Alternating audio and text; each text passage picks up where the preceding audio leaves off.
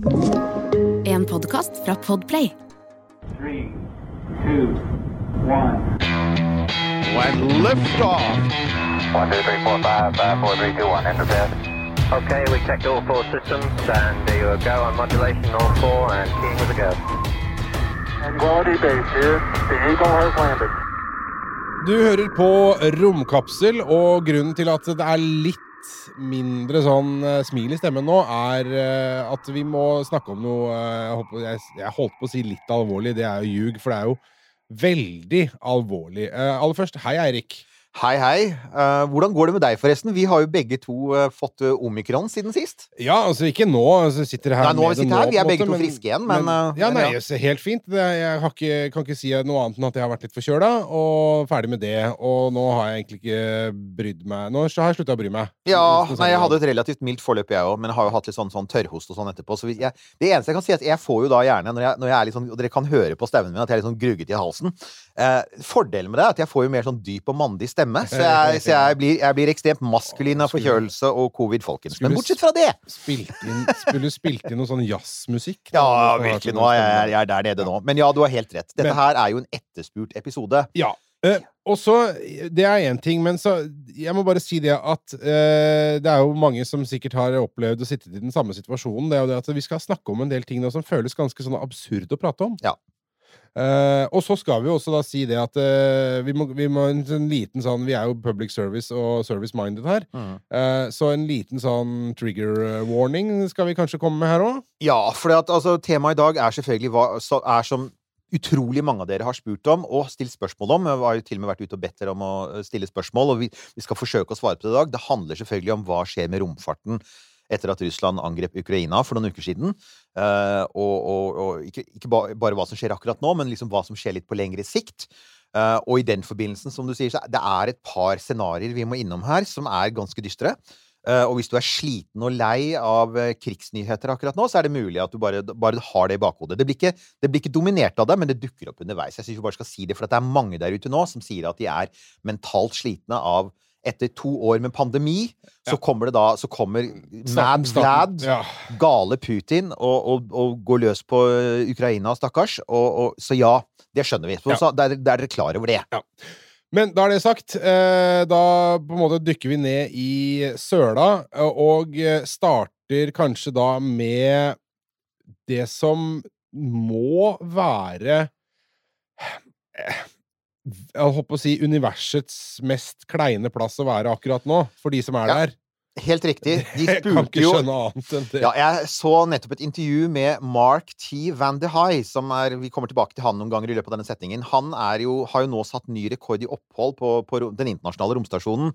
Vi må snakke om romstasjonen først. En ting er at veldig mange har vært opptatt av det. Det er det vi har fått mest spørsmål om. Og det andre er at det er det mediene har vært mest opptatt av. Og det er ikke så rart, for der oppe så er nå for øyeblikket Jeg tror det er to russere, og så er det vel fire eller fem amerikanere. Jeg husker ikke hvor mange. Men det er i hvert fall Ja, det er et blandet mannskap. Det er vel også en tysker der. Uh, Mark van de Hei hadde blitt spurt om dette i går, tror jeg. Og bare så dette er sagt, dette er altså tatt opp uh, fordi det går fort i krigen i Ukraina. Det er tatt opp uh, 17. mars. Mars, ja. Og, og vi kommer til å sende dette på første mandag etterpå, men sånn, det er gått noen dager siden. Men, men igjen, eh, 16. mars så snakket da Mark van de Hei med, med folk på bakken, og han sier 'vi lar være å snakke om det'. Ja. Vi, vi, vi, vi, og russerne er skjønt enige om at vi diskuterer nå ikke politikk, vi diskuterer ikke krigen. Vi bare gjør jobben vår. Uh, og, og, Jeg ser for meg at det blir litt som hvis du hadde vært i eh, Texas Mm. for noen år siden Mhm. og gått inn på en kjempetrivelig barbecue bar eh, og bestilte Bud Light and some ribs, Mhm. og så føler du veldig sånn behov for å snakke litt om Trump. Bare, Ja. bare ikke gjør det. Ikke gjør det. Ikke gjør det, for det, det blir altså Det er som å putte fingra og andre edlere deler inn i et vepsebol. Ja. Bare la det ligge.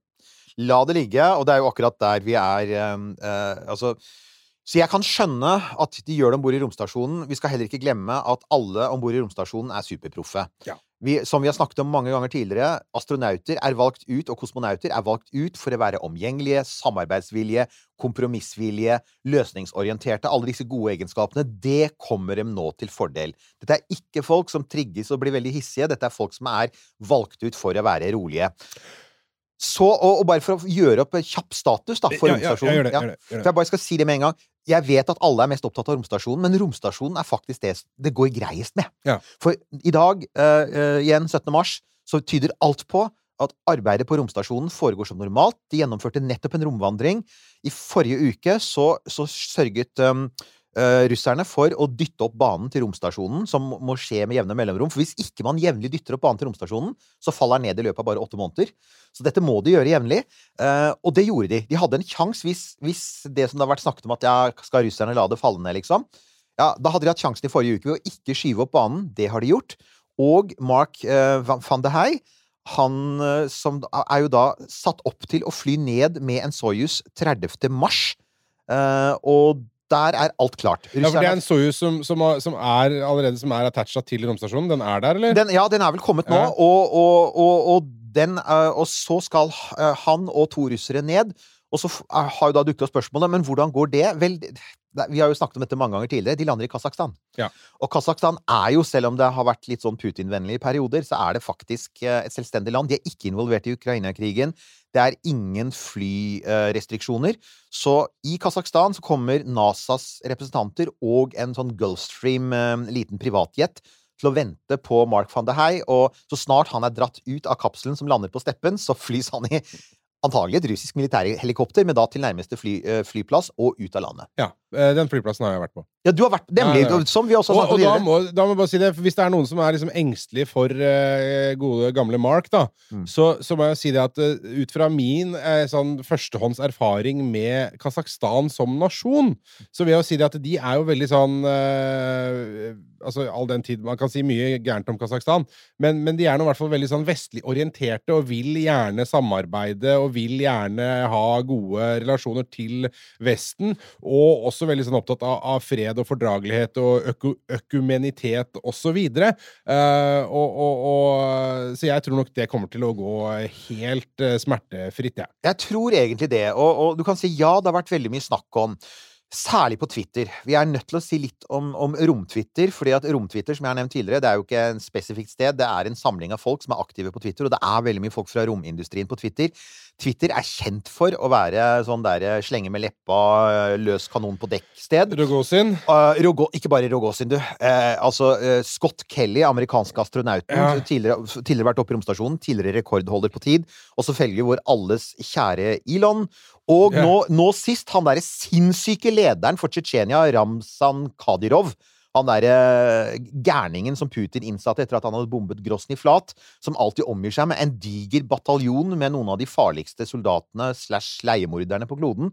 Han har blandet seg inn i Twitter-krigen mellom Rogozin og Elon. Og Eh, ja, Ja. ja, så her er saken. Fra Altså, ganske tidlig, da dette Like etter at uh, russerne angrep, så begynte eh, Dmitrij Rogozin, som er sjefen for Roskosmos, Russ Russlands NASA, og Rogozin har alltid vært ganske ekstrem.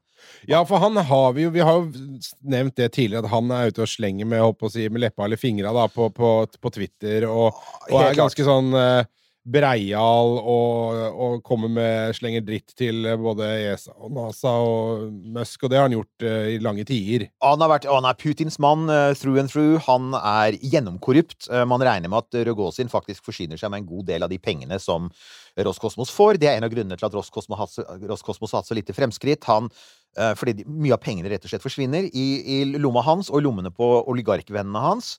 Eh, Da Russland okkuperte Krim-halvøya i 2014, så kom han jo med sitt berømte utspill eh, Ja ja, nå får amerikanerne fly med trampoline, da, for de kunne jo ikke Istedenfor å fly med Roskosmos sine Soyuzer. Mm. Bortsett fra Og her, her kommer det, da. Han hadde det i kjeften den gangen, og, han, eh, og det var da det kom til stykket, så, så fortsatte selvfølgelig NASA å fly med Soyuz, for da fantes jo foreløpig ikke Crew Dragon, og romferja var parkert. Eh, Så de var helt avhengige av det, men Roskosmos fortsatte jo å fly med NASA, blant annet fordi NASA betaler 90-100 millioner dollar per plass. Ja. Og det er ja, altså Den godeste Rogozin har et sugerør inn i de NASA-pengene og vil gjerne ha noen millioner dollar. Han får tiende. Han får det! Han får det. Men så- nå, disse, disse broomsticksene som, eh, som Ja. nå, da, så nå er jo liksom argumentene hans borte, så nå har han det bare i kjeften. nå, Han har det, og det, altså, så nå har det vært Først så har det det der som han sier Ja, ja, uten oss så får amerikanerne fly med kosteskaftene sin, sin, sin broomstick, og da kastet eh, Da kastet eh, Elon seg på og sa ha-ha American Broomstick, og den siste Starlink-ferden ble da kalt for American Broomstick. Og så er det sånn Altså, Elon, hvis du hører på Elon, if you're listening There's, there's an old saying on the internet. It's about 10 years old, and it says Don't feed the troll. Ikke mat trollet. Når Rogozin er ute og troller, og du mater han med ting, så svarer han, og så hisser dere hverandre opp. Og Scott Kelly, if you're listening We admire you, you're a great astronaut, but don't feed the troll. Faktisk, i dag, var, i dag den 17., så var Scott Kelly ute og sa Jeg tror jeg trekker meg nå. Ja, ikke krangle med Rogozin på Twitter. Du hisser opp. Alle er sinte nå. Alle er Ja. Og så er det da Elon hadde den Altså, Elon har hatt mange dumme tweets. Han har det. Dette er kanskje den aller dummeste han har hatt noensinne. Ja, nemlig Du Ja, det var Det var sånn Jeg sitter der med den der funny tobacco, wacky tobacco og Ja. Folkens, det er ikke det er, Sør, det går jo ikke an, altså. Han, han klapper på XY er eier, eh, sædleder, eller hva den ungen hans heter, så ja. Når du hører dette her, så tenker du denne mannen, denne mannen kan jo ikke bygge en koloni på Mars. Det er jo sånn Dette er Marx Brothers-opplegg. Altså det er bare det er totalt komedie. Hva er det han sier da? Jo, han har en tweet hvor han sier På russisk, da, så sier han til Putin jeg utfordrer deg, sånn mano a mano, for Putin har jo som kjent noe sånn svart belte i et eller annet. Uh, og jeg utfordrer deg mann mot mann uh, uh, til tvekamp, og innsatsen er Ukraina. Og det er sånn Hæ? What? Og så, og så har han altså, så, Ja det er kanskje det er ment som en spøk, who knows, men, men du gjør jo ikke det Altså, det, det er bare flaut. Jeg, la meg bare si det at jeg tror at i en mano a mano tvekamp mellom Elon Musk og Vladimir Putin, så er jeg redd for at Vladimir Putin kommer til å vinne den, altså. Ja, og det er her da den Spetsnaz! Ikke sant? Og det er her da den totalt crazy, farlige, livsfarlige Ramzan Kadyrov kommer inn. Og sier eh, Hei du, Elona, lille jenta mi. eh, kom en tur til Grosny, så skal vi lære deg litt kampsport før du går i krig, krig med vår, eh, vår helt Vladimir. Og så tenker jeg sånn Vet du, folkens, dette trenger vi ikke nå. Kan ikke alle bare holde munn?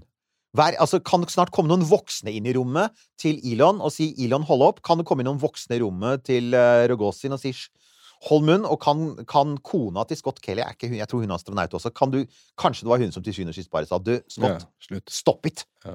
Dette er bare barnslig. Må, Romtwitter, folkens. Det har skuffet meg i det siste. ja, kan, ja, det er Ja. ikke bare Romtwitter som har gjort det. Det Nei, nei. Men jeg må bare si det, for at det var, det var uh, Nima, uh, vår nye helt. Uh, Ah, Nima er fin. Stakkars Nima. Shahinian, som, som sa det så fint at Det som er trist, som er sånn ekstra trist, er at eh, rommet, verdensrommet, eh, alt som skjer eh, med utforskning og ferder osv., har på en måte i veldig lange tider vært et sånt fristed hvor de, de verdslige, terraske konfliktene har fått lov å få pause, hvor man har klart å samarbeide i fred og fordragelighet på tross av uh, konflikter som måtte foregå andre steder nede på, på Terra Nova. Eh, det er ikke tilfellet denne gangen. Nei. Og det er bare, for å si det på godt norsk, helt jævlig trist. Det er forferdelig trist. Og Nima har helt rett. Og det er, det er bare de kloke hodene på Twitter og i resten av USA sier selvfølgelig akkurat det samme. De sier dette var ment som et fredsprosjekt. Romstasjonen ble jo i sin tid opprettet, eh, startet opp av Bill Clinton, for å få russerne i aktivitet igjen, og binde opp russisk romkapasitet, og, og, og faktisk ta russerne i en riktig retning, og ha et, et fell, en felles møteplass i rommet, hvor de kunne samarbeide. Og, og, og i tillegg eh, så må vi jo huske tilbake, ganske langt tilbake i eh, Romkapsels eh, historie, hvor eh, da tidligere stortingsrepresentant eh, for Høyre, Kårstein Eidem Løvaas, som jo var da partiets eh, rompolitiske talsmann, han gikk vel til det skritt å nominere romstasjonen til Nobels fredspris. Han gjorde det, og det Men i likhet med mange andre fredsprisnominerte og også vinnere, så skuffer de i ettertid. Ja, men altså, det jo- for så vidt så er det jo ikke romstasjonen. Det er ikke og her- romstasjonen Og her, her er jo saken, da. Det, det, for meg så virker det nå veldig tydelig at det er et misforhold. Altså, når det gjelder Roskosmos, så er det kun, stort sett kun Rogozin som uttaler seg offentlig. Eh, det er ikke noe tvil om at det er veldig mange russere som er fortvilt over det som skjer.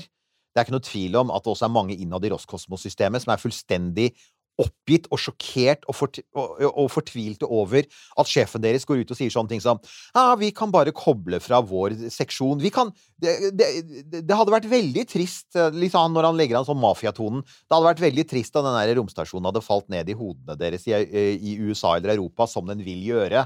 Uh, vi, hvis ikke vi gjør jobben vår, og vi kan koble fra modulen vår og, og bryte alt samarbeid. Vi kan komme tilbake til etterpå hvor realistisk det er, men, men her og nå, heldigvis, det er bare blitt med praten. Romstasjonen flyr. Det er normal drift. Eh, amerikanerne fortsetter å sende folk opp til romstasjonen. Det skal en privat romferd opp dit. Denne Axios-ferden skal opp hit i, er det vel i april. Eh, det, det, kommer, det kommer et nytt NASA-crew opp. Eh, så vidt jeg vet, så er det fremdeles på tale å faktisk sende opp en russisk kosmonaut med en Crew Dragon. Det, oh, ja. det har vært snakk om en switch der. Jeg tror helt klart russerne vil ha interesse av å se åssen et romfartøy som er designet i 2018 og ikke 1958, ser ut. Du, vet Ja. du hva? Dette her minner meg på uh, Hvis du husker eh, sesong to av For All Mankind, Ja. hvor de har dette prosjektet med den derre handshake in space Ja. som skal være der. Vi er jo litt tilbake der, på et vis. Så, så på en måte Men i den, det, det hadde jo ikke Altså, nå, jeg tar meg sjøl i å også sensurere meg sjøl nå, for det hadde jo ikke hjelpa noe som helst, egentlig, fordi alle er jo egentlig helt forferdet.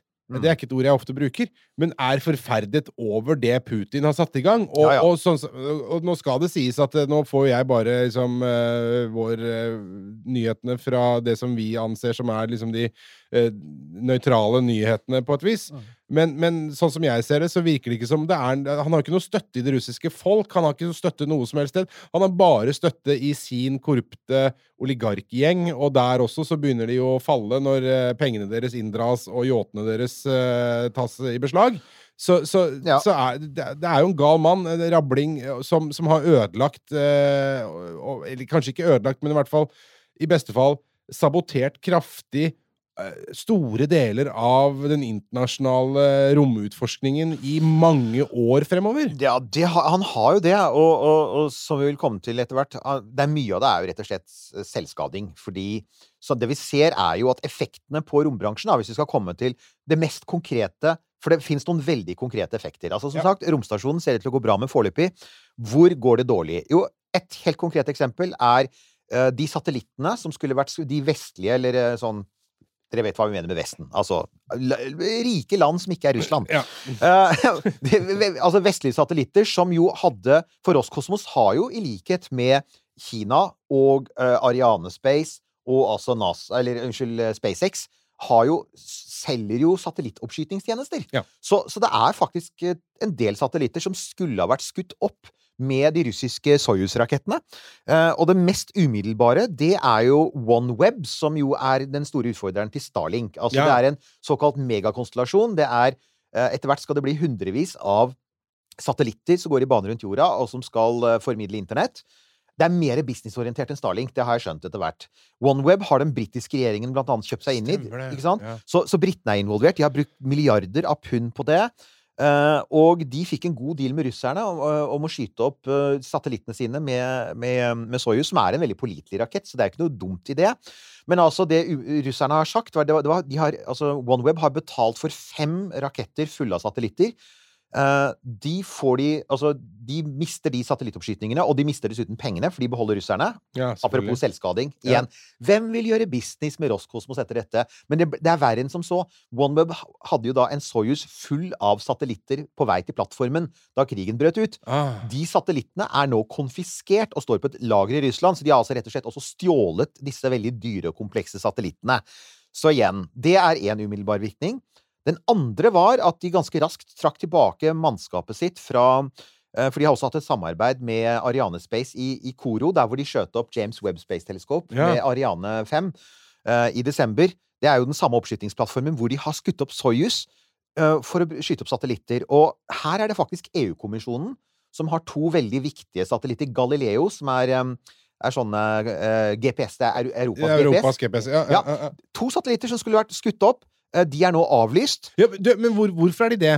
det fordi at de skulle opp med Soyuz-rakett? De skulle åpne? Soyuz. Ja, ja, okay, ja. Og her er dilemmaet, da. Og det er jo eh, Så de kan si at europeisk rombransje rammes ekstremt mye hardere faktisk enn amerikansk rombransje. For de har, de har samarbeidet ganske tett med russerne. Ja. Det har vært teknisk samarbeid, det har vært økonomisk samarbeid. eh, De har brukt russiske raketter.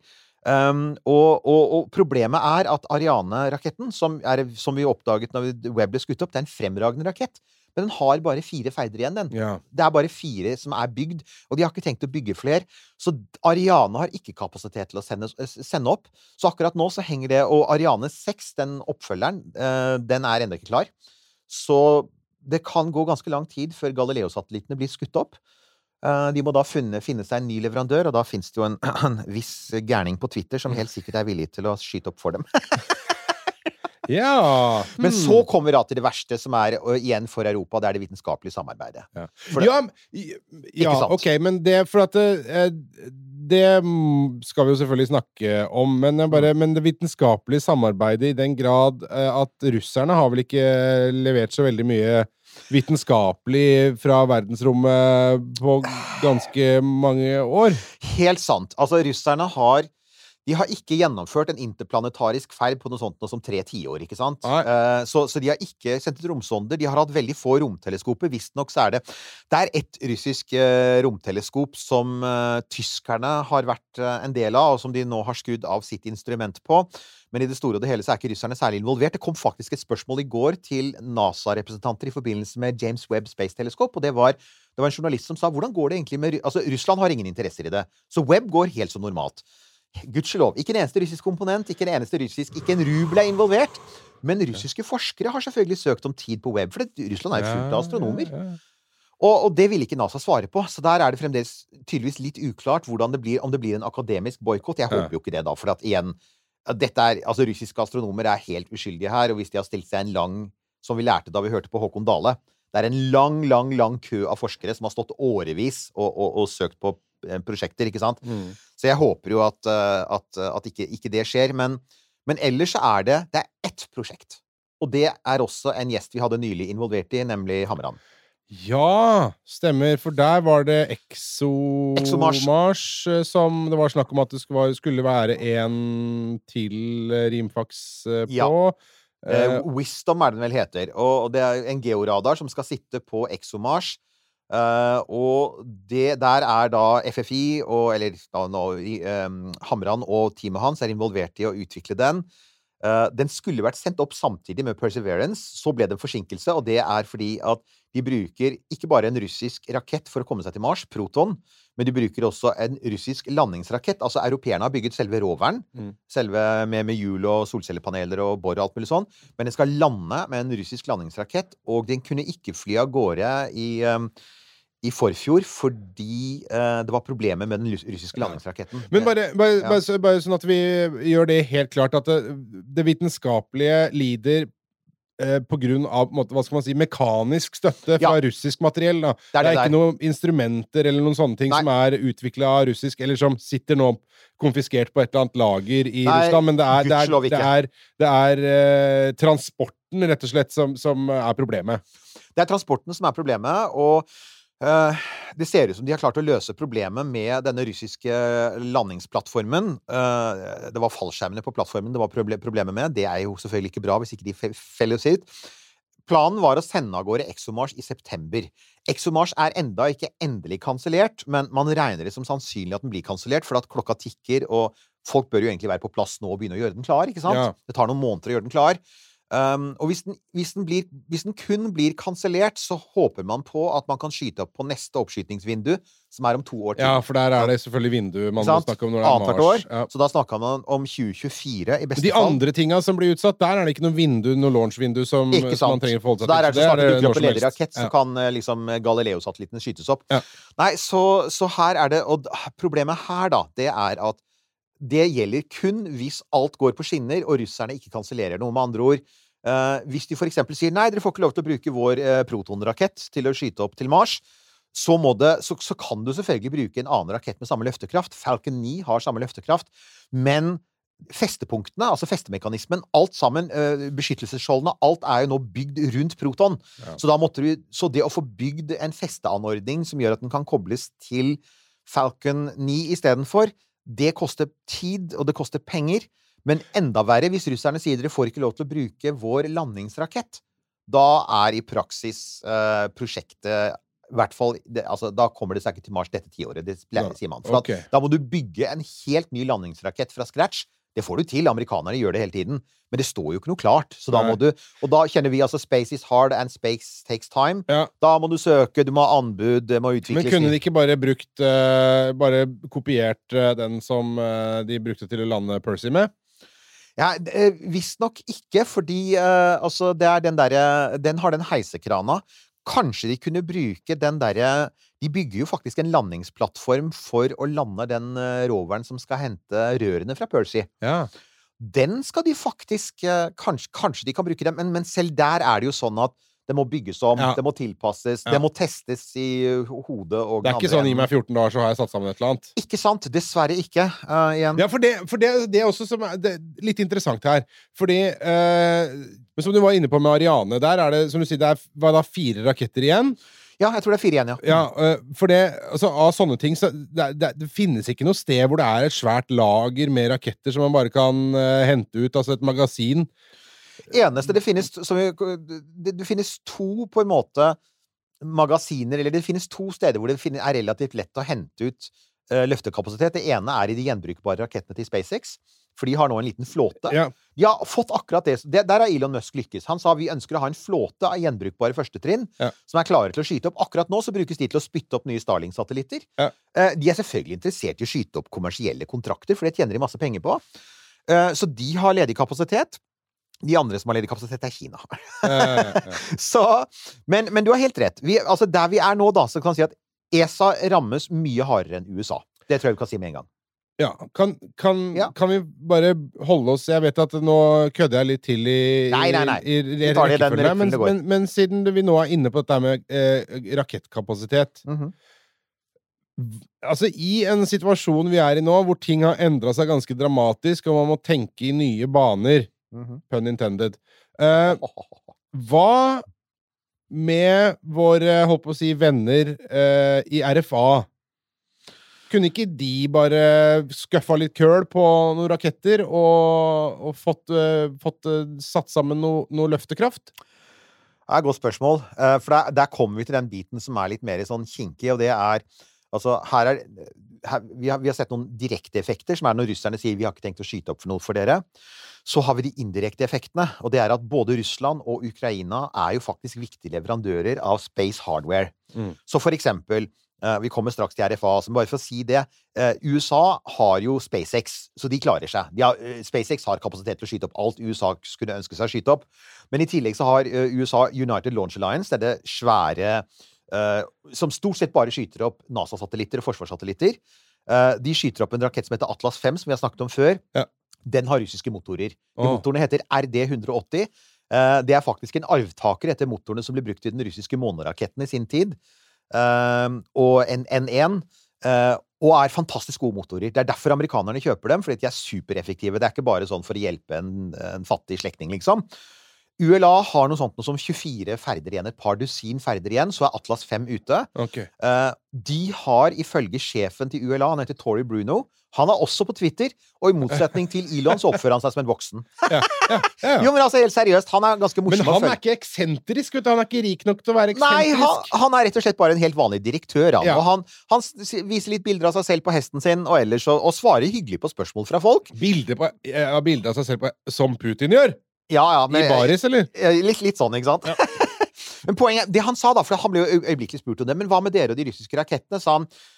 Han sa vel mer eller mindre de var forberedt på det, eh, på at det kunne skje ting, så de har kjøpt alle de RD-180-rakettmotorene de trenger til de gjenværende Atlas 5-oppskytingene. De fins i USA. Ah, okay. Og ikke bare det, men de sørget for at de russiske ingeniørene som hjelper dem, trente opp de amerikanske ingeniørene, så sa han vi kan gjøre alt dette nå, vi, vi har, alt er fiksa in house.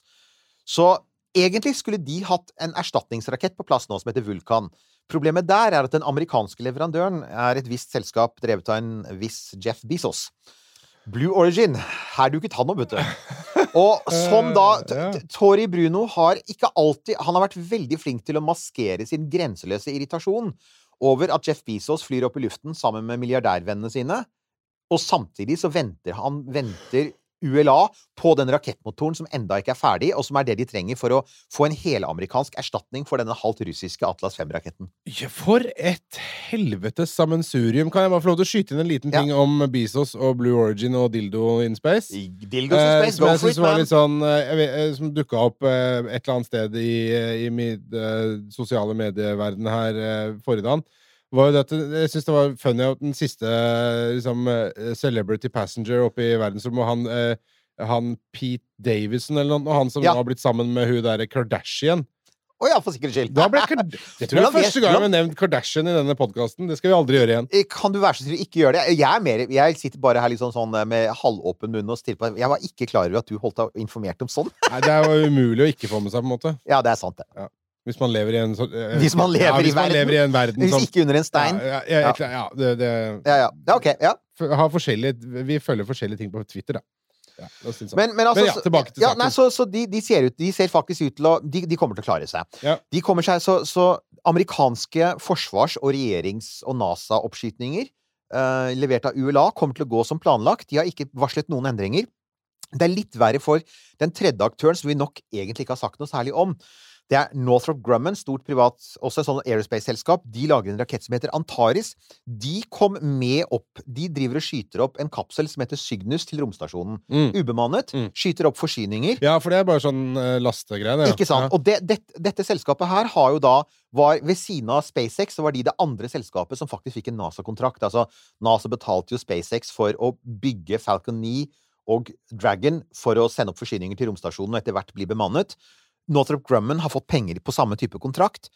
Forskjellen er at mens SpaceX bygger alt i USA, de bygger det stort sett i California og Texas, så bygges førstetrinnet til denne Antares-raketten, som deres rakett heter, er altså bygd i to fabrikker i, som heter Yuzhnoye og Yuzmash, og de ligger i Ukraina, og i, det ligger i den delen av Ukraina, altså øst i landet, Ja. som for øyeblikket er en forferdelig krigssone. Ja. Så der er det Og disse fabrikkene skal visstnok ha vært ganske tidlige mål for russiske Mens russerne ennå hadde noen krysseraketter igjen, så skal de visstnok ha skutt, krysseraketter mot disse fabrikkene.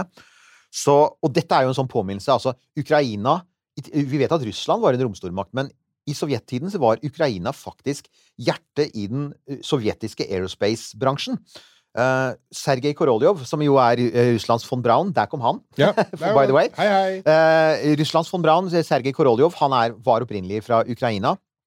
Vi fikk jo en påminnelse om det med dette fantastiske kjempeflyet. Åh. Antonov 225 Mria, som det heter. Sikkert uttalt feil. Fader, så trist. Så trist. Det det, Det var jo så gøy, det flyet, og så fantastisk på alle mulige måter. og så ble det bygd for Buran, den russiske, sovjetiske romferja. Og det er jo også sånn, sånn eksempel på at dette er jo ikke bare Altså, når russerne da ødelegger det flyet, så ødelegger de sin egen historie. Det er jo det tragiske. De ødelegger sin egen romhistorie. De ødelegger jo, ødelegger jo ikke bare en verdi for ukrainerne. Dette er jo noe av det siste som var igjen av det russiske romferjeprogrammet, som hadde mange interessante sider. Så det er bare tragisk. Ja, men nå har det vel vist seg gang på gang at eh, russerne ikke er så veldig opptatt av å Eller tilsynelatende ta vare på sånne ting. Du ser jo alle disse Buran-fergene, hva som har skjedd med de, og, og hvordan de på en måte bare har blitt poeng. stående og, Ja. og ruste ned og blitt uh, horda for beter og alt mulig sånne ting. Så, Og så ja.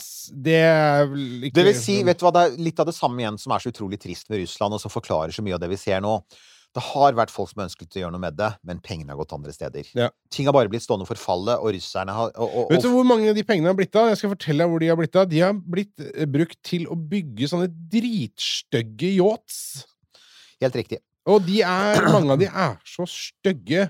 Bare så det er sagt. Takk for meg. 1202.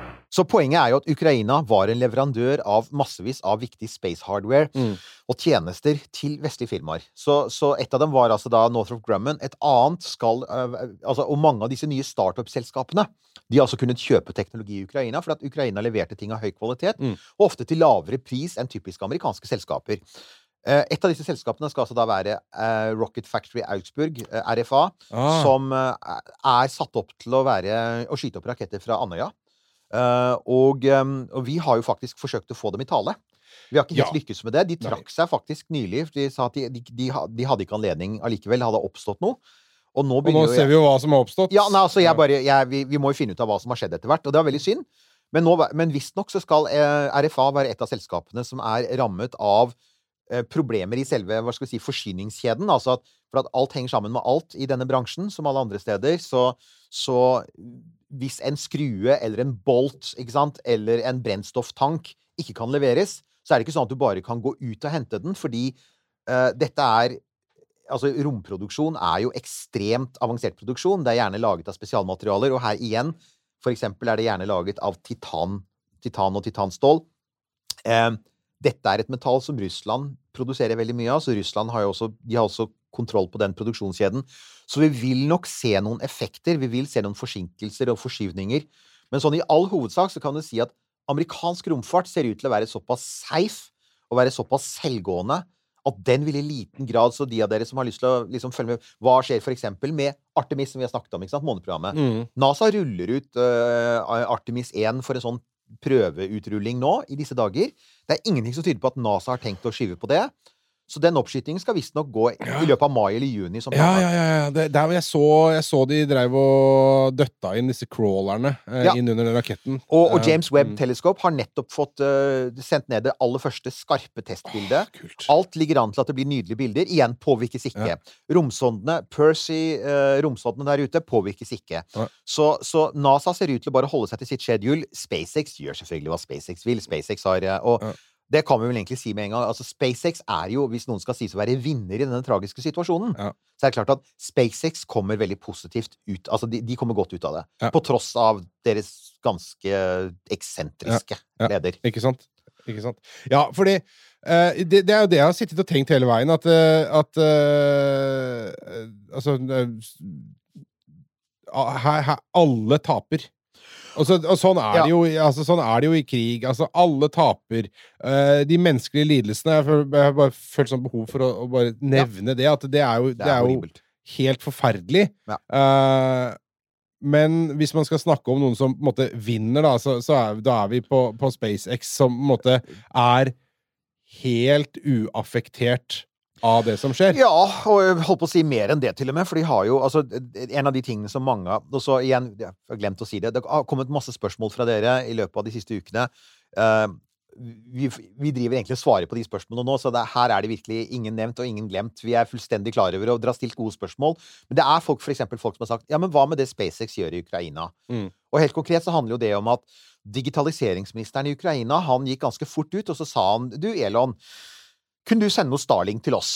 Ja. Uh, og Elon sa ja på Twitter. Det var når han ikke drev og utfordret uh, Ramzan Kadyrov til å slåss uh, i en arena i Herregud, altså. ja. Ja, hva skal jeg si? Men, men, men et av sine litt sånn mindre unhinged øyeblikk, da, så sa Elon det skal vi gjøre, og han leverte. Ja, Det- og så på ekspressfart. ja, og her er greia. I ettertid Jeg så et intervju med hun som egentlig driver uh, uh, uh, Som driver SpaceX, altså hun Gwyn Shotwell. Ja. Hun er jo, det er jo hun som er daglig leder. Det er hun som holder i trådene. Det er hun som ikke røyker hasj og, og sprer eh, rare Dogecoin-memes.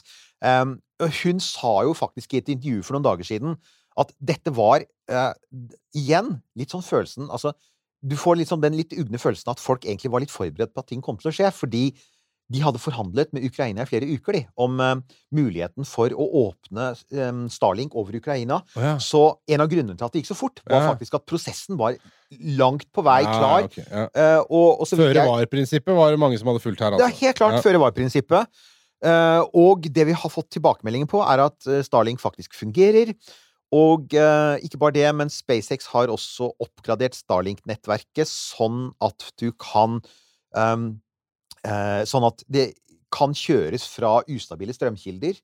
Eh, du kan til og med kjøre det fra et bilbatteri. Du kan koble det inn i en sånn der eh, sigarettennerkobling på et dashbord, Mm. eh, som særlig eldre bilmodeller har. Eh, og dem er det mange av i Ukraina. Så ukrainske biler kan faktisk Og de har også åpnet for mobilitet, fordi at hvis du kjøper et Starlink-abonnement i USA i dag, så er du fremdeles bundet til en fysisk adresse. Det er ikke noe i veien for at antenna kan flytte, men de liker å ha antenne på ett sted. Men i Ukraina så har du altså mobilitet. Du kan altså sette den på et lasteplan. Og grunnen til det er selvfølgelig at uh, russerne er fullstendig klar over at dette skjer. Uh, de har forsøkt å jamme, altså å, drukne radiosignalene fra Starlink i russiske signaler. Problemet deres der er selvfølgelig at det finnes ganske mange satellitter til enhver tid. Til enhver tid er det alltid sånn 10-15 Starlink-satellitter over Ukraina. Så det går ikke. De har forsøkt å angripe bakkestasjonene utafor Ukraina. For det er jo sånn Starling fungerer. Du, signalet går mellom bakkestasjonen i Ukraina, den lille antenna, opp til satellitten der oppe, og så går det rett ned til en bakkestasjon f.eks. i Polen. Og disse polske bakkestasjonene skal visstnok ha blitt utsatt for uh, hackerangrep. SpaceX er blitt utsatt for hackerangrep, og Elon Musk var ute og sa at SpaceX nå må flytte ansatte fra Starship-prosjektet, uh, folk som jobber med software, over på å bekjempe russiske hackerangrep. Så han har nå gått ut og Ah. sagt at Starship blir forsinket pga. Ukraina. Ja.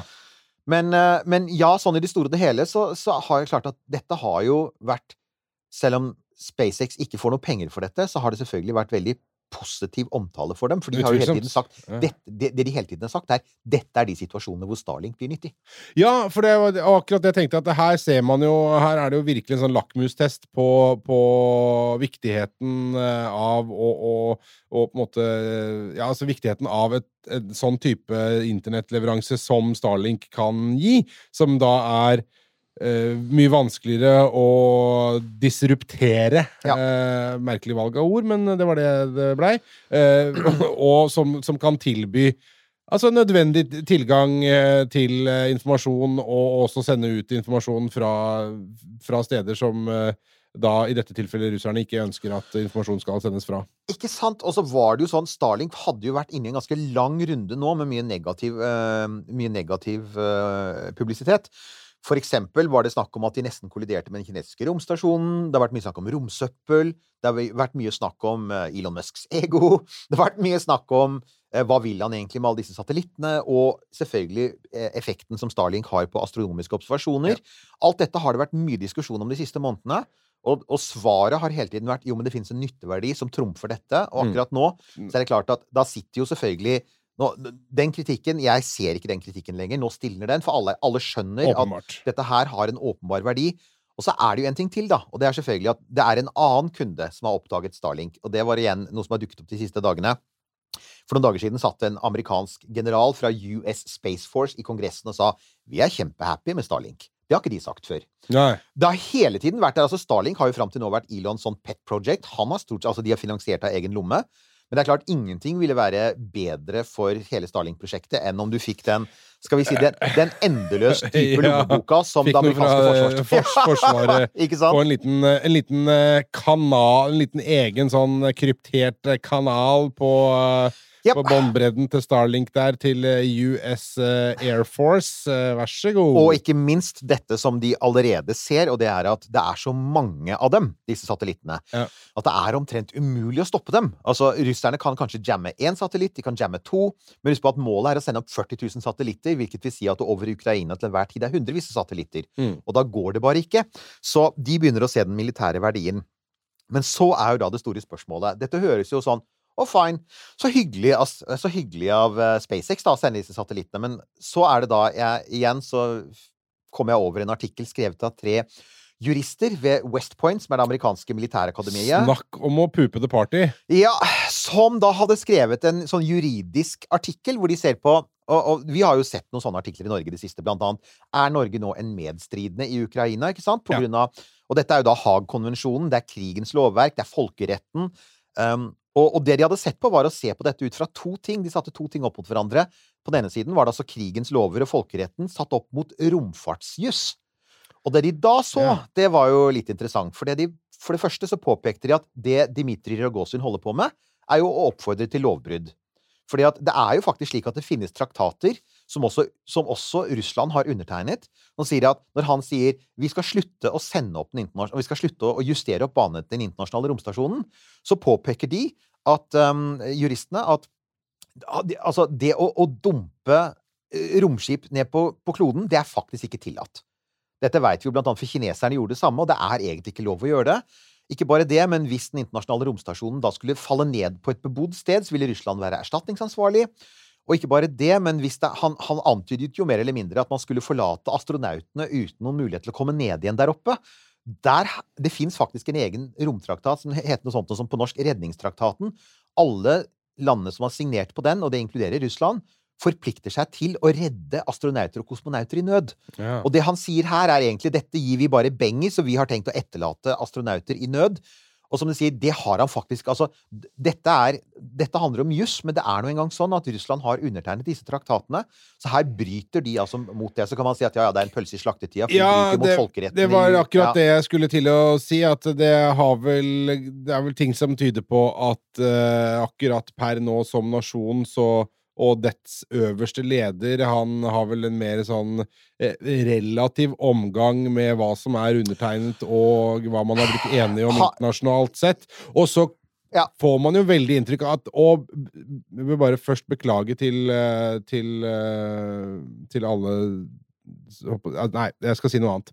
Eh, han Rogozin, han framstår jo som en, et naut. Eh, som er, og han er vel strengt tatt et naut også, Ja. som bare har fått denne posisjonen fordi han tilfeldigvis kjenner Putin. uh, og uttaler seg om ting han ikke egentlig vet no, noe om. Det er helt sant. Og, så er det, altså, og han er også veldig spontan. Han liker, han liker å snakke rett fra, lett fra le- levra. Uh, og så er han heldigvis der at han liker å være veldig stor i kjeften, men han følger sjelden opp, gudskjelov. Uh, Elon Musk liker også å skyte fra hofta og snakke rett fra levra. Han har jo Han, han har en tendens til å følge opp, da. han har det. Og det er den andre tingen som disse juristene sier, og det var faktisk mer interessant, egentlig. For altså at, at, at eh, Rogozin snakker om å bryte masse traktater, som du sier, det er ikke noe rart. Vi vil jo gjerne også ha loven på vår side, da. Altså, vi vil jo gjerne være uh, i, I denne krigssituasjonen så ønsker vi jo at, at USA og Nato, Norge, EU, at vi faktisk holder oss til traktater og avtaler, sånn at vi i hvert fall skiller oss fra russerne på det området der. Og det de da påpeker, er at det er faktisk sånn, igjen i henhold til folkeretten, det er fullt lovlig for et privat selskap som SpaceX å gi økonomisk og, og, og også sånn materiell hjelp til et land i krig. Så USA er jo offisielt nøytrale i Ukraina-krigen. Si, de er jo ikke egentlig det, for de gir våpenhjelp, men de, er altså, de, ikke, de regner seg ikke som en stridende part. Um, så sier de altså at, at normalt vil det da være at ja, et firma kan også gjøre det. SpaceX kan gjøre det. Problemet deres er at når de, en, når de leverer satellitter, eh, satellittmateriale, eh, til Ukraina, så er det sånn at det er ikke bare altså Fordi det involverer verdensrommet, så må også den amerikanske regjeringen være involvert. For det er den amerikanske regjeringen som til sjuende og sist styrer tilgangen til verdensrommet for SpaceX. Det er de som gir tillatelse for SpaceX til å levere disse tjenestene. Fordi rakettene skytes opp fra amerikansk jord. Ja, nemlig. Så de har altså gitt en godkjenning til dette, og det er da de sier at så, Sånn sett så kan du si at nå er, nå er allikevel på en måte det løpet kjørt, for at amerikanerne gir noe våpenhjelp uansett. Men hadde de vært i en situasjon hvor de ikke hadde gitt våpenhjelp, Mm. så hadde de faktisk indirekte gitt våpenhjelp til Ukraina ved å godkjenne at, at eh, altså, og gitt materiell støtte til en, til en krigførende part via, eh, via Starlink. Men det mest alvorlige er dette. Hvis, hvis det, for øyeblikket så tror vi at Starlink brukes til sivilt bruk i Ukraina. Det brukes av administrasjon, av privatpersoner, av journalister. Men eh, de har gjort Starlinkene eh, mobile. Og hvis det da oppdages at eh, ukrainske troppestyrker kjører rundt med Starlink-plattformer på sine lastebiler, så har russerne formelt sett lov til å angripe satellitten i rommet. De er, da er faktisk satellittene legitime angrepsmål, mener disse tre eh, juristene. Det må sies, ingen av oss er jurister. Vi tar det vanlige forholdet, det gammeldagse I am not a lawyer, med den fine forkortelsen i anal. Så her er det til de grader i anal i dette rommet, men, men det er altså tre jurister ved, ved, ved West Point. Så vi får anta at de har litt peil på jussen sin, og det de sier er formelt sett så kan dette her faktisk være, hvis man oppdager at det brukes til rent militære formål, da er eh, da er faktisk Starlink å anse som en våpensystem, og da har russerne rett til å skyte ned på samme måte som de har- lov til å skyte ned Uh, ukrainske fly. Ikke sant? For eksempel. Og vi vet jo at russerne kan skyte ned satellitter. I november i fjor så demonstrerte de det, og Ja. de var jo, satte jo sine egne folk i romstasjonen i fare, så det viser også en viss, hens viss hensynsløshet. Det Ja. gjør jo det. Ja. Eh, her er saken, da, men her kommer vi tilbake til hva Starlink er. Hadde dette vært i gamle dager, så hadde, de, så hadde uh, vi snakket om én satellitt plassert over Ukraina. Det er ikke det det er. Det er 2000 satellitter i lav jordbane. Mm. Og det er bare en brøkdel av det det skal bli. Det skal jo bli mellom 12 og 40 000 når de er ferdige. Og, men allerede nå så er de der at, at hvis, hvis Russland faktisk skal stoppe Starlink på den måten, så har de for det første ikke kapasitet til å skyte opp nok antisatellittvåpen. De har ikke 2000 antisatellittraketter stående på bakken. Vi ser det jo allerede nå, de har jo ikke nok krysseraketter engang. Så det er nå én ting. Men det andre er at den eneste måten de kunne ha tatt ned 2000 satellitter på, er å utløse i praksis eh, tredje verdenskrig i rommet, som er den såkalte Kessler-effekten. Og det er den som du ser i filmen eh, Gravity, hvor du får en sånn kjedereaksjon. Du detonerer så mye antisatellittvåpen at du får milliarder av partikler som så går som en sverm i bane rundt jorda, ødelegger alt på sin ferd, og så får du en sky. I løpet av noen uker så er alt som går i lav jordbane, forvandlet til en eneste stor sky av ødelagte partikler. Dette er et av disse scenarioene vi snakket om for øvrig, som er litt kjipe. Ja. Kessler- Kessler-effekten er den, den er reell, det kan skje. Men den eneste måten det kan skje på, er hvis russerne, russerne bare bestemmer seg for at vet du hva, kan ikke vi ha romfart? Skal ikke det Det var vel du som sa det sist vi snakket om det. Ja. Ikke? Kan ikke dere ha romfart? Så, eh, kan ikke vi ha romfart? Kan, skal ikke dere ha det heller, ikke sant? Men da eh, Altså, eh, hva kalte du effekten? Kessler-effekten. Kessler-effekten. Hvis den på en måte iverksettes, da, Mm. da har du jo ødelagt jo, eh, lav jordbane i Ti år fremover. Ja, ikke sant? For at det Mm. eneste måten å, å måte gjenåpne den på, er jo da Da må man jo fysisk rydde opp, ikke sant? Ja, altså man, enten det eller vente til alt har falt ned, og det vil ta ti år. Ja. Uh, og, og, og, det vil jo for så vidt så altså, Man kan sikkert komme seg opp i rommet ved å skyte opp nær polene, for der, der går jo ikke disse satellittene. Men det er også alt. Altså, du har helt rett, det vil i praksis ødelegge romfarten i tiår framover. Eh, også for russerne. Det vil eh, totalt ødelegge romstasjonene, både den, eh, den internasjonale og den kinesiske. Eh, jeg tror jo ikke det kommer til å skje, det er ikke det. Men, men, det, men det det egentlig forteller oss, da, det er jo at, at vi er i en ganske alvorlig situasjon, for å si det sånn. Eh, og, og folk bruker utrolig sterke ord. Eh, og hvis de, hvis de skal følge opp disse sterke ordene i, med, med handling, så, så er det for så vidt teknisk mulig å gjøre det. Men takket være at disse nettverkene nå har blitt så svære, så må russerne gå ekstremt langt. De kan ikke bare slå ut én satellitt. Og det, det er en av de tingene, interessante sånn militære bivirkningene. For vi har snakket om antisatellittvåpen i gamle dager. Man har holdt på med dette siden 70-tallet, men det var alltid snakk om en håndfull satellitter. Ja, ikke sant? Det var nettopp det. Og for at det, det, vi var vel innom noe lignende et eller annet, et eller annet sånn Coco Bananas prosjekt med noe, med noe atomdetonasjon som tok ut denne TV-satellitten. Ja, det stemmer jo. Det var i fjor sommer, det er en av spesialene våre. Dette, Ja. sånn, eh, ja, Starfish helt, og Ja, Starfish, ja. Ja. Som var helt sånn Coco Bananas-greie. Men da var, det, da var det tre satellitter, da. Nå er det jo liksom tusenvis Ja. av satellitter, og da hele sivilisasjonen hadde jo knelt hvis, eh, hvis man hadde gjort noe sånt noe. Og det som er Det jeg syns, jeg si det, det som jeg syns er så synd, er jo at her At denne pissekonkurransen liksom bringer oss alle ut i den derre søla som eh, vi på en måte sitter i nå. Altså. Ikke sant? Også at vi blir nødt til å prate om dette som en mulighet, syns jeg var så Ja, tragisk. ja, ja. Altså, jeg, jeg tror, det er ingen som tror at dette kommer til å skje. De tror faktisk ikke at russerne er så gale, men på den Nei, annen side ja, De har vist seg å være ganske crazy fram til nå, da. Så det er jo Definitivt, definitivt. Men du, Ja. Eh, en liten joker oppi ermet her, Mhm. som uh, vi har graca innom, men som vi kanskje må si litt mer om, eh, er jo um, Kina. Kina har jo blitt stilt spørsmål om, om fra mange sider, også fra lytterne våre. Ja, altså, jeg så nylig en, um, en analyse av dette. Det fins en sånn derre Jeg, I den grad jeg har, jeg har med vilje valgt å liksom ikke dykke ned i det, bare fordi at jeg, det orker jeg ikke. Eh, så jeg tenkte, jeg har bare latt være å gjøre det. Men det har jo vært litt sånn mixed signals, har jeg fått med meg fra Kina. For det er sånn Det det. Fy Putin, men allikevel ikke helt. Altså, eh, så. det er jo mange som påpeker at Kina kan godt kalle seg for uh, kommunistisk, men som, som de sier, China is all about the money. Kina er smertelig klar over at uh, de har nettopp vært gjennom to år med covid-resesjon. De trenger ikke mange år med Ukraina-resesjon i tillegg. Så de er økonomisk sett, og det er økonomien de først og fremst er opptatt av, så er de, har de ingen interesse av at Ukraina-krigen varer lenge, eller at uh, Russland går på en meltdown, for å si det sånn. Uh, samtidig så er de gode busser med Putin, og de deler jo det samme synet på hvordan et land skal styres. Det skal være Jernhånd. Uh, med jernhånd, du skal ha fangeleire, og det skal være korrupt som bare F. Så det de, er, de er skjønt enige i denne vidunderlige måten å styre et land på. Men ja, kinesisk romfart er et litt interessant sted. For det, for det første, likhet, de er de eneste som i likhet med, med SpaceX har stor løftekapasitet. Kina hadde sendt opp rekordmange satellitter og romfartøyer i, i fjor, og fortsetter i høyt tempo. Eh, De har en aktiv eh, rombransje. De har masse selskaper som forsøker å kopiere SpaceX-modellen, selvfølgelig. Eh, Det er noen skummelt Falcon 9-like kinesiske raketter under testing nå. Men altså, kineserne er flinke, og de har god teknologi. Og i motsetning til russerne de, de, Hvis man ser bilder av den kinesiske romstasjonen, så ser man jo at uh, den ser jo mer moderne ut enn ISS på alle måter. Fordi Ja, altså, det er den jo. og det er den jo, for det første. Og for det andre, for kineserne. Vi veit jo det, for de fleste av oss har jo mobiltelefoner full av kinesisk innmat. Ja. Dette er ting de kan. Eh, de, de, de er i høyeste grad i stand til å overta mange av satellittene, eksempel, som ikke nå vil bli skutt opp med Russland. Om de vil gjøre det, altså profitere på Russlands tap, er en annen ting. Jeg tviler.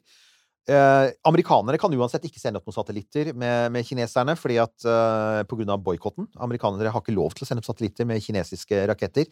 Det måtte i så fall være ESA. Ja, for, for jeg tenkte at ESA kunne jo ESA potensielt kunne, gjort det. men, jeg, men der kommer Kinas dilemma. På den ene siden så vil de ikke være uvenner med russerne. Nei. På den andre siden så er det helt klart at her og nå så ville, de, så ville de helt klart hatt interesse av å overta noen av disse markedsandelene som For at det er ikke så mange satellitter som skytes opp hvert år, så dette her er fete og solide markedsandeler. De ville veldig gjerne eksempel ha overtatt OneWeb. Det ville de sikkert ha gjort. Men om de kommer til å gjøre det Jeg, jeg tror det, det Så spørs det da om eh, OneWeb-eierne er interessert i at eh, kineserne skal ha kontroll på deres internettleveranse. Ikke sant. Uh, og, og, og det er akkurat det. Det er litt sånn Jeffer, Telia og Huawei og så videre. ja, og så ja. plutselig kan kineserne finne ut at de skal gå inn og støtte russerne i Ukraina, og da blir det sanksjoner, og da sitter plutselig vestlige operatører der da, med svarteper igjen, og så er Mm. plutselig så har de fått konfiskert en ny haug med satellitter. Så det regnes vel egentlig som ganske ESA har et ganske tett samarbeid med Kina, og det kommer de nok til å fortsette med. Ja, men, men har altså, ru, ru, altså det kinesiske romprogrammet Mm. uh, Har de Altså, er de avhengig på noen måte av russisk hardware? Ikke nå lenger. De Nei. var i sin tid Altså, kineserne har en romkapsel, uh, Shenzhou, uh, som er De bygger jo sin, en ny en nå som er helt egen kinesisk, men de har en De bygger sin uh, egen Soyuz-klone, en litt sånn forstørret versjon av Soyuz. Eh, ifølge Nima, som vi jo snakket med når han var i studio, han mener at kineserne bruker en romdrakt som i praksis er en klon av den russiske Orlan-drakten. Men kineserne kan bygge det selv, så de er ikke avhengig av det. Nei. Um, og de har jo faktisk inngått De har formalisert et samarbeid med Russland når det gjelder månen. Uh, de vil ha med Russland på laget, men her kommer vi til dette, da. I den grad Russland er med, så vil Russland til de grader være juniorpartner. Ja. Og her kommer vi kanskje til den På mange måter den tri... Altså, nå ser vi bort fra krigen, for det er det jævligste som skjer. Men hvis du tenker på romfarten, kan man si at på en måte så er det aller tristeste er jo ikke hva som skjer med ESA, som, noen, som mister satellitter. Eh, ikke sant? Eller USA, som kanskje hvor ett firma får noe trøbbel med noen motorer. Det er faktisk hva som skjer i Russland. For russisk romfart har vi Vi vet at de har hatt trøbbel lenge. De har hatt slitt med å få ny teknologi. De har ikke klart å bygge noen erstatter for Soyuz. Verken kapselen eller raketten. Eh, hvis denne krigen ender i en eller annen form for varig kald krig, altså at Russland blir sånn isolert à la Nord-Korea, eh, så er det veldig vanskelig å se for seg noe langsiktig samarbeid med NASA, ESA og, og, og Roskosmos. Og i så fall så kan jeg si at de eneste som faktisk taper på dette, det er Russland. Ja. Eh, ESA og NASA har mer enn kapasitet nok til å erstatte alt russerne kan tilby dem. De har allerede, altså SpaceX har en utmerket romkapsel i Crew Dragon som gjør en bedre jobb enn Soyuz allerede. Uh, hvis russerne trekker seg fra den internasjonale romstasjonen, så, så kan faktisk amerikanske firmaer relativt raskt erstatte de russiske uh, komponentene, og ikke minst gjelder dette å holde banen gående. Uh, Russland kan ikke Folk har sagt jo, jo, men russerne kan begynne å fly til den kinesiske romstasjonen. Det kan de faktisk ikke, for Soyuz-raketten er såpass gammel og ineffektiv at den kommer ikke Altså, disse romstasjonene går i forskjellig baneplan. Uh, og og uh, altså, den internasjonale romstasjonen den er bygd for å passere rett over Baikonur. Så den går i en hellingsvinkel i forhold til ekvator på 51 grader, eller 52 grader, er- fordi at Baikonur er på 52 grader nord. Kinesernes eh, romstasjon går med en hellingsvinkel på 41 grader, og det passer deres store rombase. Og den forskjellen i 11 graders vinkel, da, det er for mye for Soyuz å sende astronauter fra Boikonur til den kinesiske romstasjonen. De klarer ikke det der vinkelskiftet. Så om russiske kosmonauter skal opp i den kinesiske romstasjonen, så må de være passasjerer på den kinesiske Shenzhou-kapselen. Ja, men også er jo da spørsmålet altså Hvis det nå ender da, som du sier, altså med en sånn eh, Nord-Korea-situasjon for, for Russland vil eh, Ja, jo jo, kanskje altså rent sånn eh, ser sånn økonomisk messig, men er det noe insentiv for, for Kina å, å ha noe samarbeid med Russland? Kan Russland tilby Kina noe de ikke allerede sjøl har? Det, er, det, det, det har vært At en det er periode erfaring, liksom? Altså, det var noe med erfaring, og så var det, som vi var inne på i stad også, at Russland sitter på en del viktige råvarer. Ja, ja. Uh, Russland er et ek ekstremt råvarerikt land fremdeles. Uh, og så er det selvfølgelig uh, dette med at de fremdeles lager noen sjukt gode rakettmotorer, som du sier. ikke sant? Så det Ja. er det. Men du har helt rett. For hvert, og det som skjer nå, reduserer jo Russlands verdi som samarbeidspartner. fordi det var jo én ting til som, som Russland brakte med seg inn i denne pakka. Og det var et godt forhold særlig til ESA. Ja. Altså Russland og ESA har jobbet tett sammen. Og Ja. via, for at, altså, vi veit at det er problematisk å jobbe med kineserne. Ikke bare fordi det er diktatur, men fordi at amerikanerne har en boikott av dem. Mm. Det har gjort det litt vanskelig også for ESA å jobbe med det, men via Russland så har du kunnet ha et godt samarbeid. Så derfor har det jo faktisk vært snakk om at denne kinesiske månebasen som skal komme på 2030-tallet, ILRS, den skal da Russerne skal være med på den, og det har til og med vært snakk om at, at ESA muligens kan være med på den. Eh, men det er klart at hvis, hvis Roskosmos altså faller fra hverandre, eller mister For at altså, denne, disse sanksjonene fører jo da til at Roskosmos mister veldig mye av pengene sine. For at amerikanerne betaler jo faktisk ganske mye for å bruke Roskosmos-tjenester. ja, og det er penger som nå ikke kommer. Ikke sant? Russland mister i tillegg altså De mister jo tilgang på amerikansk teknologi, de mister kompetanse. Så de blir enda mer avhengig av å liksom lene seg på gammel sovjetteknologi. Et stort problem hele tiden har vært eh, brain drain, altså hjerneflukt. Og noe av det første Rogozin gjorde som faktisk hadde konkret betydning for russere, det var det er nå forbudt for russiske rakettforskere å forlate Russland.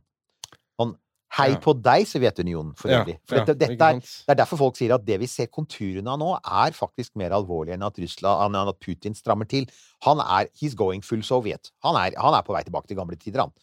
Uh, så, så ja, uh, det kommer tilbake til dette her med at det som Roskosmos gjør nå, via Rogozin og via Putin, er jo intens selvskading. For de var inne på et spor, ikke minst via romstasjonen, men også via samarbeidet med ESA, hvor de på en måte kunne trekkes inn i vår utvikling, lære av oss, svelge stoltheten sin, si at hvis du skal opp i rom i fremtiden, så må du nok antagelig følge den banen som vi har fulgt, og ikke fremdeles bygge på sovjetteknologi. Men det er klart, der de er nå, så mm. Ja. Så, så det store spørsmålet her, da, det er selvfølgelig liksom Ok, hvor, hvor fører dette oss hen? Vel, altså, kortsiktig så ser det ut til at det mest alvorlige, den mest alvorlige direkte kortsiktige effekten, det er ExoMars. Det er, Ja. den, den ser ut til å gå i vasken. Det er kjempetrist for ESA, men ESA kommer over det. Ja. Men liksom, hvis du tenker på litt mer sånn langsiktig, så igjen Hvis Russland går inn i en sånn sovjetaktig isolasjon, så blir romfarten veldig USA-dominert. Det tror jeg vi kan si. For Kina er allerede satt litt på sidelinjen av sitt forhold til Russland og boikotten til USA. Men nå, kan det, nå skal det jo sies, da Det kan jo argumenteres for at eh, den, romfarten har nå vært ganske USA-dominert eh, Den har det, altså. på alle mulige måter. Bortsett fra noen, noen eh, liksom sånn eh, arbeidsvillige lastebiler, så, så har jo romfarten vært eh, USA-dominert de siste 30-40 åra. Den har det, og det som er spørsmålet og, og faktisk før krigen brøt ut, så skjedde det jo en ting i Europa som var litt interessant. Og det var at en haug med ESA-astronauter skrev et manifest til ledelsen i em, til ledelsen i ESA, og da særlig den nye direktøren, Josef Aschenbacher, som overtok for uh, vår venn Jan Jan, Wörner, som vi har snakket med. Ja. Uh, og Josef Aschenbacher han, han støttet dette langt på vei dette manifestet, som sa em, ESA er nødt til å stå mer på egne bein. Ja. ESA må ha Få noe få en ordentlig eh, bærerakett, gjerne også et eget bemannet romskip. Gjerne en, eh, at ESA tar opp igjen f.eks. for eksempel planen om å bygge en liten romferje. Ja. De hadde jo i sin tid et prosjekt som het Hermes. Det kom Ja. veldig langt på vei. Og Hermes vet vi ville ha fungert, og det vet vi, for at USA har nå en ubemannet romferje som heter X-37B. ja. Som i praksis gjør sånn... det Hermes ville ha gjort. Så Hermes ville ha funka, men det fantes ikke penger og politisk vilje, så det ble skrinlagt. Og det de sa var, og det var før krigen, så Ja. sa de ESA trenger en mer selvstendig rolle. Det er tragisk at kontinentet der romfarten ble født, takket være Werner og vennene hans ja. ja, Mm. Så, så, og, og, så, så i en situasjon hvor man er nødt til å løsgjøre forbindelsene til Russland, og kanskje bli enda mer avhengig av USA, så er det desto viktigere at ESA har en separat kapasitet. Ja, og det vil kanskje bli mer realistisk og, og, og på en måte Om ikke framtvinge, men framskynde og, og faktisk realitetsorientere litt eh, mer nå, da. Ja, det, også, så vi skal ikke se bort fra at det kan tvinge fram noen nye konstellasjoner. Hvis, hvis vi får et regimeskifte i Russland For det eneste det, for, slik Amerikanske romfartsanalytikere sier egentlig at det eneste som kan redde russisk romfart nå, er regimeskifte. Hvis du går inn i en sånn derre Putin bare. Hvis, hvis Putin går full Kim Jong-un, Mm. da er, det, da er det game over. Da kommer de til å sitte der med sine gamle raketter og fortsette å skyte dem opp til alle sant? Vel, den siste som jobber i russisk romfart, slukker lyset. ikke sant? Det er Ja. det vi er på vei mot. Men hvis vi får et regimeskifte, og det håper vi jo alle selvfølgelig vil skje, uh, da, kan du, da kan du få en ny giv. For det er fremdeles dyktige folk der. Og da, og da kan det dukke opp noen interessante akser, for eksempel igjen mellom ESA, Ukraina og kanskje etter hvert Russland, hvor, hvor vi får For at igjen, Ukraina er et europeisk land, de vil bli med i EU, de, vil, de, de er helt klart en naturlig del av dette samarbeidet. eh, og kanskje også Russland blir mer europavennlig. Men det kommer helt an på hvordan regimet der borte oppfører seg, og selvfølgelig kommer det helt an på at vår venn Mad Vlad ikke trykker på den store røde knappen som han har truet med å gjøre. Ja, da Og er det det vel mer enn romprogrammet som uh, Ja. går opp føyken. Ja, for at det bringer oss til For det, at det er jo Dessverre, ja. Vi er nødt til å si det. eh, Vi må helt sånn eh, litt sånn på avslutningsvis i en eller annen utstrekning her snakke litt om det. Fordi uh, det er nå en gang sånn, da, at det er bevilget det var sånn 300 millioner kroner, og det støpes, og det graves, og det tvinnes armeringsjern oppe på Andøya, oksebåsen der. eh, Og det å sende opp raketter derfra har jo lenge virket som en god idé. Så kan det jo med enkelhet argumenteres for at det på nåværende tidspunkt kanskje er så smart å skyte opp raketter i nærheten av Kolahalvøya, vel vitende om at dette ikke alltid har gått helt ubemerket hen. Ja, hva er det de sier i eh, Whatever you do, don't mention the war, som de sier i Faulty Towers? Vi er jo nødt til å nevne Hva er det, 29. januar 1995? Ja, Vi er eh, nødt til det. ja men det, det, det, Da, Nor da Norge nesten Starta- sluttstrek for uh, all sivilisasjon. Ja, ja, fordi altså, det, det har skjedd før, og det kan jo Ja. det kan, I aller høyeste grad. Det ble jo veldig aktuelt nå. Ja, for altså her er saken. Vi er involvert, vi også. Uh, og, og på en litt uheldig måte, vil jeg, vil jeg si. Um, Andøya uh, rakettskytefelt, som har skutt opp forskningsraketter, uh, ikke i bane, men i stor høyde, yeah. i 60 år. Feirer 60 år i år for øvrig. uh, Og vi, vi skal forsøke å få laget en sending om det, for det er morsomt, og det er viktig. Men akkurat nå så har de vært inne i en liten diskusjon som går på at um, det er Andøya, og så er det et svensk rakettskytefelt nær Kiruna som heter S-Range. De skyter også tilsvarende typer satellitter opp i, i nordområdene, og det er mye for å se på nordlys og slike fenomener. Veldig viktig forskningsarbeid. Men svenskene gikk da nylig til det grep å si at eh, de planlagte rakettoppskytningene de har i nær fremtid, de blir avlyst pga. Av situasjonen i Ukraina. Og ikke minst pga. den økte spenningen, fordi at vi har jo en Putin som har truet med Og han har jo satt eh, atomvåpen i høyere beredskap. Han har så klart som mulig, uten å si det direkt, direkte, sagt eh, vi bruker atomvåpen hvis vi føler at vi trenger det.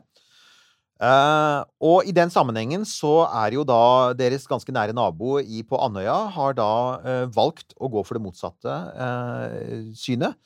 Konfrontert med dette at ikke bare svenskene, men faktisk også en del analytikere sier at vi bør nok kanskje vente litt med å skyte opp raketter Ja. i dette veldig sensitive området. Bare sånn for ordens skyld. eh, eh, Andøya ligger mye nærmere Kolahalvøya, de store russiske militærbasene der. Ubåter. Eh, strategisk rakettforsvar, alle disse tingene. Uh, Andøya ligger mye nærmere et sånt stort sensitivt område enn omtrent alle andre sammenlignbare rakettskytefelt, bortsett fra svenskenes S-range. Uh, Så, så alle andre steder hvor du skyter opp ting da, i rommet, så har russerne god tid på seg til å se at det har kommet opp i banen, og at det faktisk ikke representerer noen fare. Andøya har alltid vært der at i oppskytingsfasen så, så, så kan det faktisk se til forveksling likt ut en rakett som skytes opp fra en ubåt utenfor norskekysten. uh, der amerikanerne har strategiske atomubåter, det vet vi jo. Og det var jo det som var utgangspunktet for 1995. I tilfelle noen ikke har hørt om det, så er det altså i 1995, i januar 1995, så var det en, en rakettoppskyting, forskningsoppskyting fra Andøya med en Black Brant-rakett. En liten, uskyldig rakett. Liten uskyldig rakett som kom litt ut av kurs.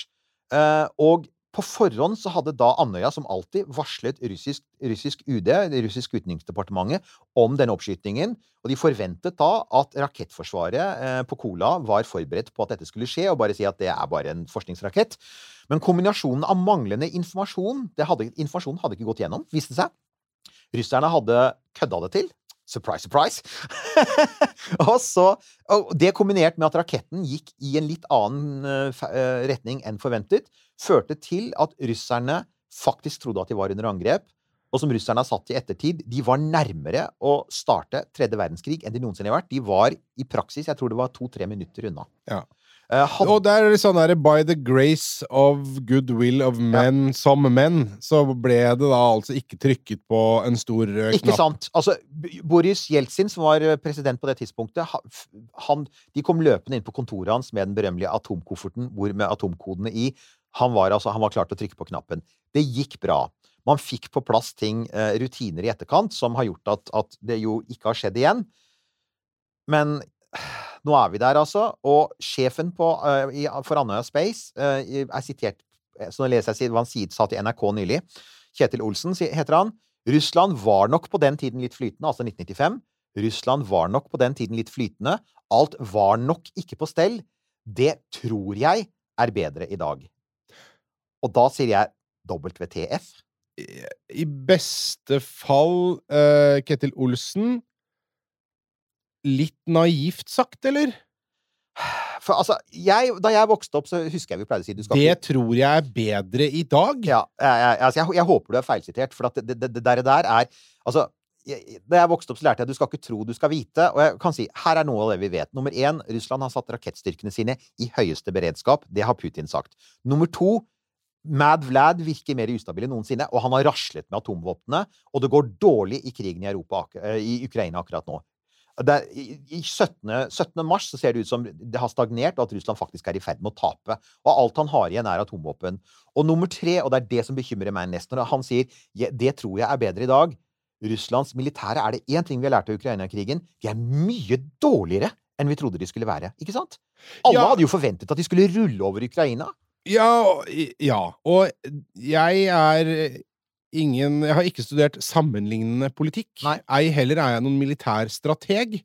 Men eh, det jeg eh, tror jeg kan fastslå, er at når en sånn informasjonslinje ikke fungerer i en tid hvor det er relativt rolig, hvor det er ganske viktig informasjon som ikke tilflyter de som sitter med fingeren på avtrekkeren, uh, i en tid hvor det er rolig, så er det vel grunn til å tro at den informasjonsrekka ikke nødvendigvis er noe bedre i en tid hvor, ja, eh, de med fingeren på avtrekkeren kanskje sitter litt lenger fram på stolen og har det litt trangere i skoa.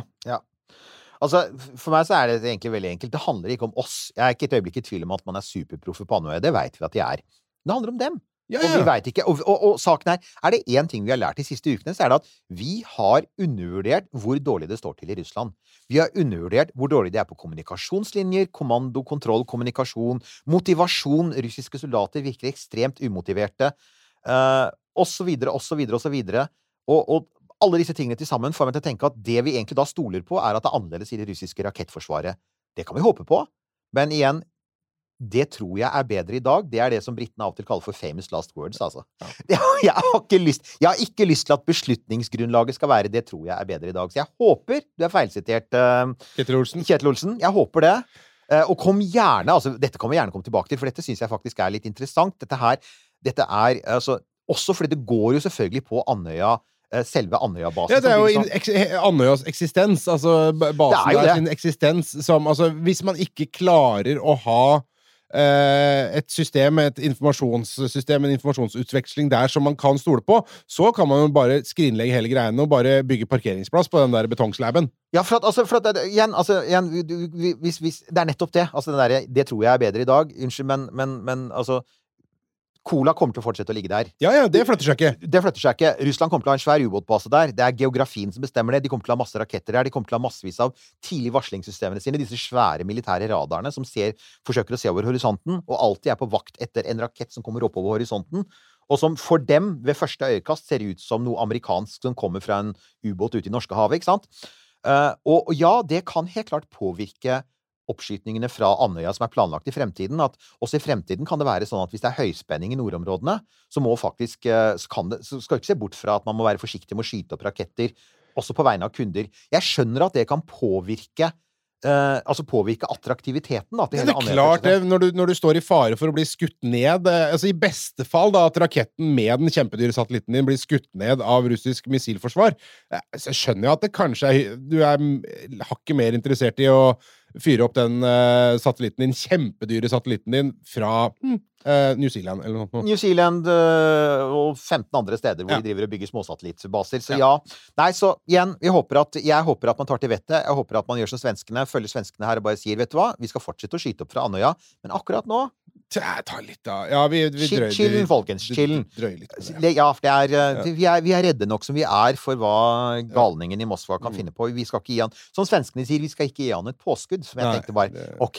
Det er, det, er, det, er, ikke bare De snakker ikke engang om feil. De er Nei. faktisk redde for at russerne skal bruke det som påskudd. Det er bare enda mer skremmende. Ja, ja. Men nok om, nok om skummel trigging her. Det er én sånn liten rar positiv nyhet som er kommet ut av det. Jeg må få si det. Ja vel?